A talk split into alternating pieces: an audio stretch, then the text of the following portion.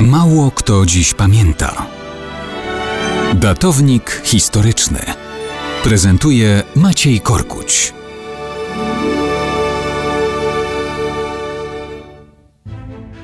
Mało kto dziś pamięta, że 23 grudnia 1595 roku papież Klemens VIII wystawił bullę Magnus Dominus et Laudabilis Nimis. W bulli tej Rzym akceptował zasady Unii, która miała oznaczać przekreślenie rozłamu pomiędzy Kościołem rzymskokatolickim, a przynajmniej częścią prawosławia. Rozłamu trwającego wówczas od ponad 500 lat, czyli od schizmy wschodniej z roku 1054.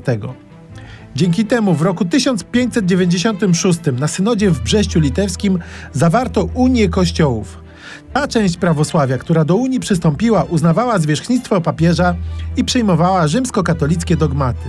Natomiast papież i katolicy uznawali odrębność kalendarza i wschodniego obrządku kościoła, odtąd zwanego grekokatolickim lub unickim. Unici uzyskali potwierdzenie praw i swoich przywilejów i własności w Rzeczypospolitej. To zrywało ich zależność od Moskwy, która kreowała się na trzeci Rzym, centrum chrześcijaństwa. Oczywiście Unia Brzeska w Moskwie nie została uznana. Dopóki Rzeczpospolita istniała, Kościół unicki funkcjonował swobodnie w różnych prowincjach kraju.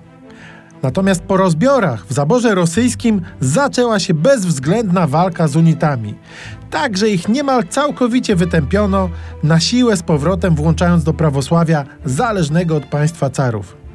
Unici przetrwali jednak we wschodniej Galicji, która była w zaborze austriackim. Austria sama była rzymskokatolicka, więc nie miała powodu, aby tę pozostałość po Rzeczpospolitej niszczyć.